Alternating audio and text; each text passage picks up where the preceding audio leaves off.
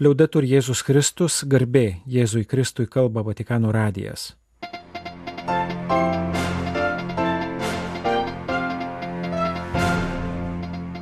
Malonus klausytojai šioje programoje. Popiežiaus šeštadienio audiencijos. Italijos charizminių judėjimų delegacijai ir Italijos mažų savivaldybių asociacijos atstovams. Toliau augant įtampai artimuosiuose rytuose, Chaldėjų patriarchas kviečia specialiam pasninkui, o Vatikane apsilankė Irano diplomatas. Trečiojo eilinio sekmadienio Evangelija ir jos komentaras.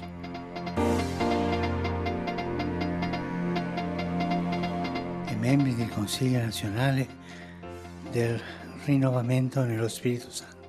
Sausio 20 dienos audiencijoje popiežius Pranciškus priėmė Italijos katalikiško charizminio arba atsinaujinimo šventojoje dvasioje judėjimo pirmininką ir tarybos narius. Pasak popiežiaus, pačia savo prigimtimi charizminis judėjimas susijęs su malda, ypač šlovinimo malda. Tai labai svarbu. Pasaulyje, kuriame vyrauja turėjimo ir darimo kultūra, taip pat bažnyčioje, kartais pernelyg užsėmusioje renginių organizavimu, o to reikia saugotis, mums visiems reikia skirti vietos ir laiko padėkai, šlovinimui bei stebėjimuisi Dievo malonę. Prašau jūsų, broliai ir seserys, ir toliau tarnauti bažnyčiai, ypač per adoracijos maldą. Adoracija, kurioje vyrauja tyla, kurioje Dievo žodis svarbesnis už mūsų žodžius. Adoracija, kurios centre iš tiesų yra viešpats, o ne mes, sakė popiežius Pranciškus audiencijos dalyviams. Kitas aspektas, anot jo, tarnystė evangelizavimui, taip pat galima sakyti, yra charizminio judėjimo DNR dalis. Širdyje priimta šventoji dvasia negali nepastumėti, išeiti ir skelbti Evangeliją. Šventoji dvasia yra kūrybinga, pabrėžė Pranciškus, priminęs apaštalo istorijas. Nė vienas iš jų neturėjo instrukcijų ir nuovokos, kaip apaštalauti. Tai šventoji dvasia pastumėjo juos padaryti didžių dalykų. Ir visada reikia prisiminti, jog skelbiama visų pirma asmeniniu pavyzdžiu. Ilgos maldos ir gražios giesmės nebus itin naudingos, jei nebūsime kantrus ir gailestingi savo artimui. Konkretus artumas, dažnai nematomas kitiems, yra tai, kas patvirtina mūsų skelbimą. Preghiera di evangelizzazione, ma se voi siete venuti dal Papa non è solo... Malda ir evangelizacija. Tačiau atvykote pas popiežių ne tik tam, kad būtumėte sutvirtinti šiuose dviejose keliuose, kurie priklauso jūsų charizmai ir istorijai. Petrų įpidinis taip pat turi savo charizmą, kuri yra bendrystės charizma. Būtent dėl jos jis gali ir privalo jūs sutvirtinti. Pirmiausia, jūsų bendrystė su viskupais. Gerai žinote, jog kiekvienoje konkrečioje bažnyčioje bažnytiniai judėjimai visada turi siekti tikros bendrystės, pridūrė popiežius Pranciškus. O tikra bendrystė, anot jo, reiškia, reikia pakartoti tarnystę visai parapijos arba viskupijos bendruomeniai pagal vyskupo silovadinės gairės. Bendrystė taip pat turi persipinti su kitų judėjimų, draugijų ir burelių liūdėjimais. Bendrystėje taip pat turi klestėti brolybė ir abipusė pagarba, taip pat ir skirtumams. Popiežius Pranciškus priminė ir savo paties nuostatų kaitą. Charizmatinis judėjimas, prisiminė jis iš pradžių jam nepatiko. Ir jis netgi jį buvo prilyginęs sambos mokyklai.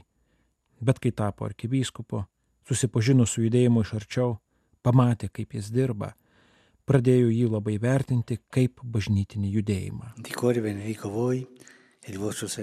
Iš širdies laiminu jūs ir jūsų tarnystę, sakė popiežius charizmatinių judėjimo Italijoje vadovams. Šeštadienio rytą popiežius susitiko su Italijos nedidelių savivaldybių atstovais, kurie 2010 metais susibūrė į asociaciją siekiančią gerinti vietinių gyventojų gerovę vadovaujantis katalikų bažnyčios socialiniam mokymui brangiu subsidiarumo principu. Con piacere incontro la vostra associazione nata nel 2010 per contribuire al buon funzionamento degli enti locali italiani. Italijos, panašiai kaip ir kitų šalių provincijos miesteliai, kenčia dėl kai kurių šio laikinės visuomenės gyvenimo tendencijų ir jos vystimosi modelių sukeltų prieštaravimų. Kaimai ir maži miesteliai tuštėja, mažose savivaldybėse gyvenantys žmonės kenčia dėl mažesnių galimybių, o tai savo ruoštų yra neligybės šaltinis. Dėl laipsniško gyventojų skaičiaus mažėjimo vis sunkiau pasirūpinti teritoriją. Apleistos teritorijos tampa vis labiau pažeidžiamos. Popiežius paminėjo ir bendrą demografinę krizę, kurios pasiekmes ypatingai juntamos mažai gyventojų turinčiose vietovėse.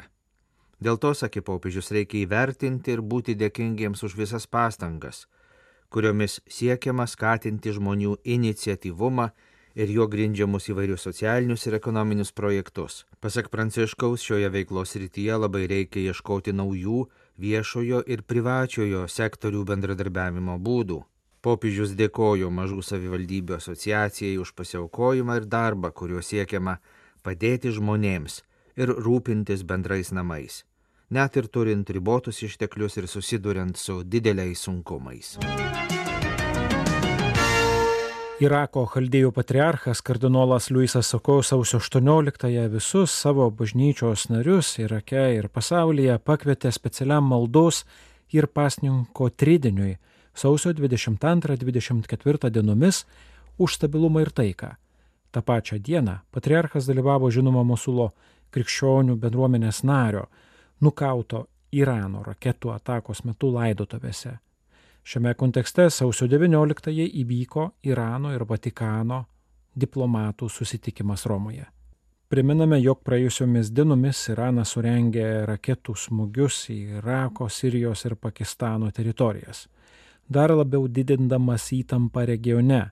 Irake sausio 15-osios vėlų vakaras mokta į autonominio Kurdistano regiono sostinę Erbilį ir pataikyta į žinomo kurdų verslininko namus. Netrukus paaiškėjo, kad kartu su juo tragiškai žuvo kitas žinomas verslininkas, Mosulo krikščionių bendruomenės narys Karamas Mikhailas, trumpam užsukęs pasisvečiuoti.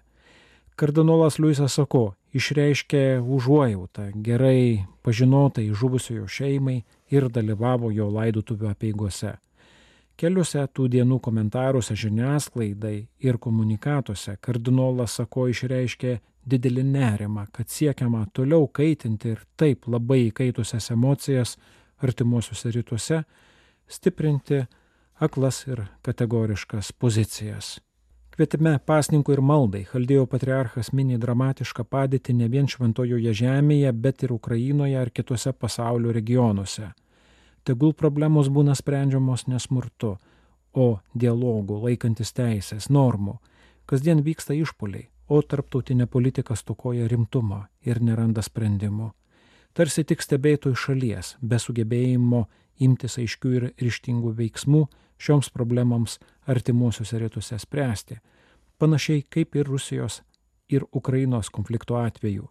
Tai gali teisinti naujus, stipresnių valstybių išpolius prieš silpnesnės, cituoja kardinolą žinių agentūra Ežinius. Nuširdžiai melskime visagali Dievą, kad įkvėptų pasaulio lyderių siekti taikos, o ne karo, kuris kesinasi į žmogaus teises ir žmonių gyvybės, siekti vaisingos pažangos susitaikymo, broliškų santykių, meilės ir tolerancijos kelyje žmonijos labui, kviečia Irako ganytojas. Chaldėjų patriarchato pranešime priduriama, jog kviečiama specialiam pasninkui, kurio tradicija žinoma nuo 7 amžiaus visose regionų krikščionių bendruomenėse - Chaldėjų, Asirų ir Sirų. Tokiam pasninkui kviečiama didelio pavojaus ir gamtinės nelaimės, chaoso bei nuosmokio metu. Egzistuoja tradiciniai šventojo rašto skaitiniai, liturginiai himnai, eilės bei giesmės šiam pasninkui. Pasninko dienomis taip pat dera rodyti dusnumą stokojantiems.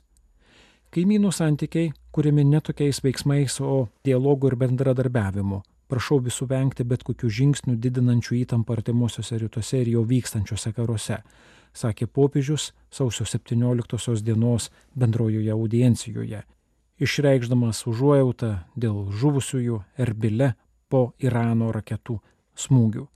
Šiame kontekste pranešta apie sausio 19-ąjį įvykusį Irano užsienio reikalų viceministro Bahigeri Kani šiomis dienomis keliaujanti Europoje, apsilankymą ir Vatikane, kur jis susitiko su monsinjoru Miroslavu Vachovskiu, Šventojo sosto santykių su valstybėmis pasekretoriu.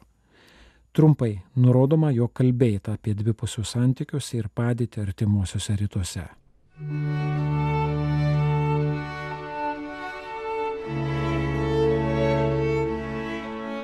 Trečiasis eilinis sekmadienis iš Evangelijos pagal Morkų. Kai Jonas buvo suimtas, Jėzus grįžo į Galilėją ir ėmė skelbti gerąją Dievo naujieną. Atėjo įvykdymo metas, Dievo karalystė čia pat.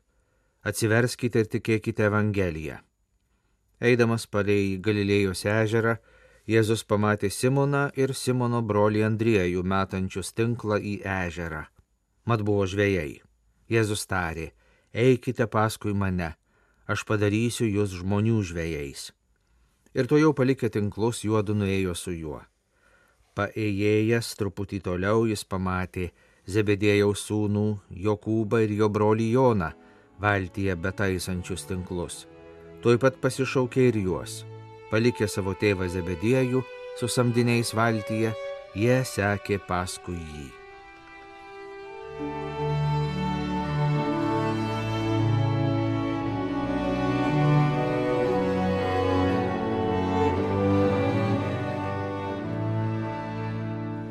Skaitome monsinjoro Adolfo Grušo mums parengtą trečiojo eilinio sekmadienio Evangelijos komentarą. Dievas su mumis. To meto nuotaikos netrodė labai šviesios. Jonas Krikštytojas buvo suimtas ir vadovaujantis sveikų protų Jėzui vertėjo kiek palaukti prieš pradedant pamokslauti žmonėms. Jis tyloje praleido 30 metų, tai luktelėti dar šiek tiek atrodė tikrai menkniekis. Tačiau Jėzus, taip kaip darys ir vėliau, visus nustebindamas nutarė leistis į kelionę, skelbti gerosios naujienos, pradėdamas nuo Galilėjos. Ta geroji naujiena tai žinia apie tai, jog Dievas yra ne toks, kaip apie jį pasakoja aukštieji kunigai. Tai Dievas, kuris duoda, o nereikalauja. Tai Dievas, kuris ne baudžia, o dovanoja, nes yra be galo geras. Iš tiesų, tai yra gera naujiena. Jėzus iš pat pradžios aiškiai pasako vieną dalyką. Jis netėjo kurti naujos religijos. Jis taip pat neduos naujų taisyklių ar moralinių įsakymų. Jis skelbia susitikimą. Kalba apie santykius, nes Dievo karalystė čia pat. Graikiškame tekste sakoma, prisartino Dievo karalystė. Žmogus nuo pat žmonijos egzistavimo pradžios tengiasi priartėti prie Dievo, tačiau tos pastangos buvo nesėkmingos. Sprendimas buvo kitur. Pats Dievas prisartino prie žmogaus, atėjo su juo susitikti. Jėzaus iš Nazareto asmenyje baigėsi visos pastangos ir aukos siekiant priartėti prie Dievo. Jis jau yra su mumis, belieka tik jį priimti. Atėjo įvykdymo metas skelbia Jėzus. Tai reiškia, nebėra kada atidėlioti ar ieškoti pasiteisinimų. Svarbiausia akimirka yra dabar ir nebegalime sakyti, kai turėsiu daugiau laiko, kai išeisiu į pensiją ar panašiai. Viskas yra dabar. Mes neturime laukti, kol tapsime šventi, kad pradėtume keistis. Ir nesitikėti, jog viskas taps labai skaidru ir aišku, kad galėtume priimti su mumis esantį Dievą. Dievas jau yra čia, dabar, šalia mūsų. Jį galime sutikti plaudami indus, taisydami rašinio klaidas, sėdėdami įstaigoje prie rašomojo stalo, ligoninės koridoriuje, vaiko šypsenoje, telefono skambutyje. Savo kasdienybėje mes esame kviečiami pajusti Dievo artumą. Šventaisiais netampama vien atliekant novenas ar rekolekcijas, bet sutinkant su Dievo buvimu kasdienybės banalume. Evangelistas Morkus mums siūlo įsiklausyti į pasakojimą apie pirmųjų mokinių pašaukimą. Jėzus pamatė Simoną ir Simono brolį Andriejų metančius tinklą į ežerą. Viskas prasidėjo nuo viešpaties žvilgsnio. Ne būsimieji apaštalai pamato viešpatį, bet jis atkreipia dėmesį į juos. Dievas visuomet pamato mus dar tada, kai mums nei galva neteina pamastyti apie jį. Kaip tik todėl galime būti ramus, matydami nuo Dievo nutolusius ar abejingus tikėjimui žmonės. Dievas jau žvelgia į juos. Visuomet kyla klausimas, ką tokio Jėzus išvelgė tuose dviejose žvėjuose. Jis ieškojo mokinių, tai kodėl nenuėjo į to meto rabinų mokyklą? Ten jis tikrai būtų radęs išsilavinusių ir šventai raštą įstudijavusių asmenų. Petras ir Andriejus paprasčiausiai dirbo savo darbą, kuris neturėjo nieko bendra su tuo, ką jiems reikės veikti vėliau. Jėzus suprato viską apie juos, matydamas, kaip jie ruošia ir užmeta tinklus. Iš to, kaip mes išgyvename savo dienas, galima suprasti, kas esame Pagal tai, kaip žmogus kalba su savo vaikais, įmanoma suvokti, koks jo santykis su gyvenimu. Aistra, su kuria imame savo darbų, leidžia įvertinti, ar esame laimingi. Jėzus kviečia tuos žmonės pasikeisti, pateikdamas pasiūlymą - vietoj žuvų gaudyti žmonės. Vis dėlto skaitydami Evangeliją galime pastebėti, kad mokiniai ir toliau plaukdavo žvejoti, toliau bendravo su savo šeimų nariais atrodytų teisėta būtų paklausti, kurgi yra tas jų pasikeitimas, ką jie paliko. Iš tikrųjų pasikeitė apaštalų mentalitetas, jų santykis su darbu ir su šeima. Gyvenimo paslaptis yra mokėjimas atsiriboti, pasitikėti, liautis planuoti viską ir stengtis viską numatyti. Susidūrę su kokiu nors sunkumu ar lyga turime pasitikėti, jog mums pakaks jėgų tai įveikti. Nėra prasmės dėl rydienos galimybių, kurių galbūt nė nesulauksime, greuti šiandienos. Šiems žvėjams Jėzus sako, eikite paskui mane. Tai nuostabu. Jėzus niekuomet nepateikdavo galutinių sprendimų ar instrukcijų, kurių reikėtų laikytis. Niekuomet nesakė, ką reikia daryti ir ko nereikia daryti. Tai krikščionybės grožis ir draugės sudėtingumas. Viešpats siūlo kelionę Jei norime, galime juo sekti. Krikščionybė tai būti kartu su Jėzumi ir mokėti tai išgyventi su džiaugsmu. Tolesnis viešpaties pasiūlymas - aš padarysiu jūs žmonių žvėjais. Gali būti neaišku, kodėl Jėzus kviečia mokinius būti žvėjais, o ne ganytojais. Žvėjoti žuvis reiškia žuvų mirtį, nes jos ištraukiamos iš joms įprastos terpės, be kurios negali gyventi. Žvejoti žmonės reiškia išvaduoti juos iš mirties, nes vanduo yra priešiška žmogui aplinka. Tai ir yra atsivertimas. Apaštalai tampa žmonių žvėjais, vadinasi, atsiliepia į kvietimą gelbėti gyvybę. Jie galvos apie kitus, o galiausiai atiduos savo gyvybę dėl kitų. Ko gero mokiniai nuėjo su Jėzumi paprasčiausiai dėl to, kad pasijuto mylimi. Suprato, kad juos pamatė Dievas ir pašaukė juos vardu. Tikriausiai todėl ir šiais laikais tiek vyrų ir moterų apsisprendžia sekti Jėzų. Jie suprato, kad jų laimė priklauso nuo to mylinčio žvilgsnio.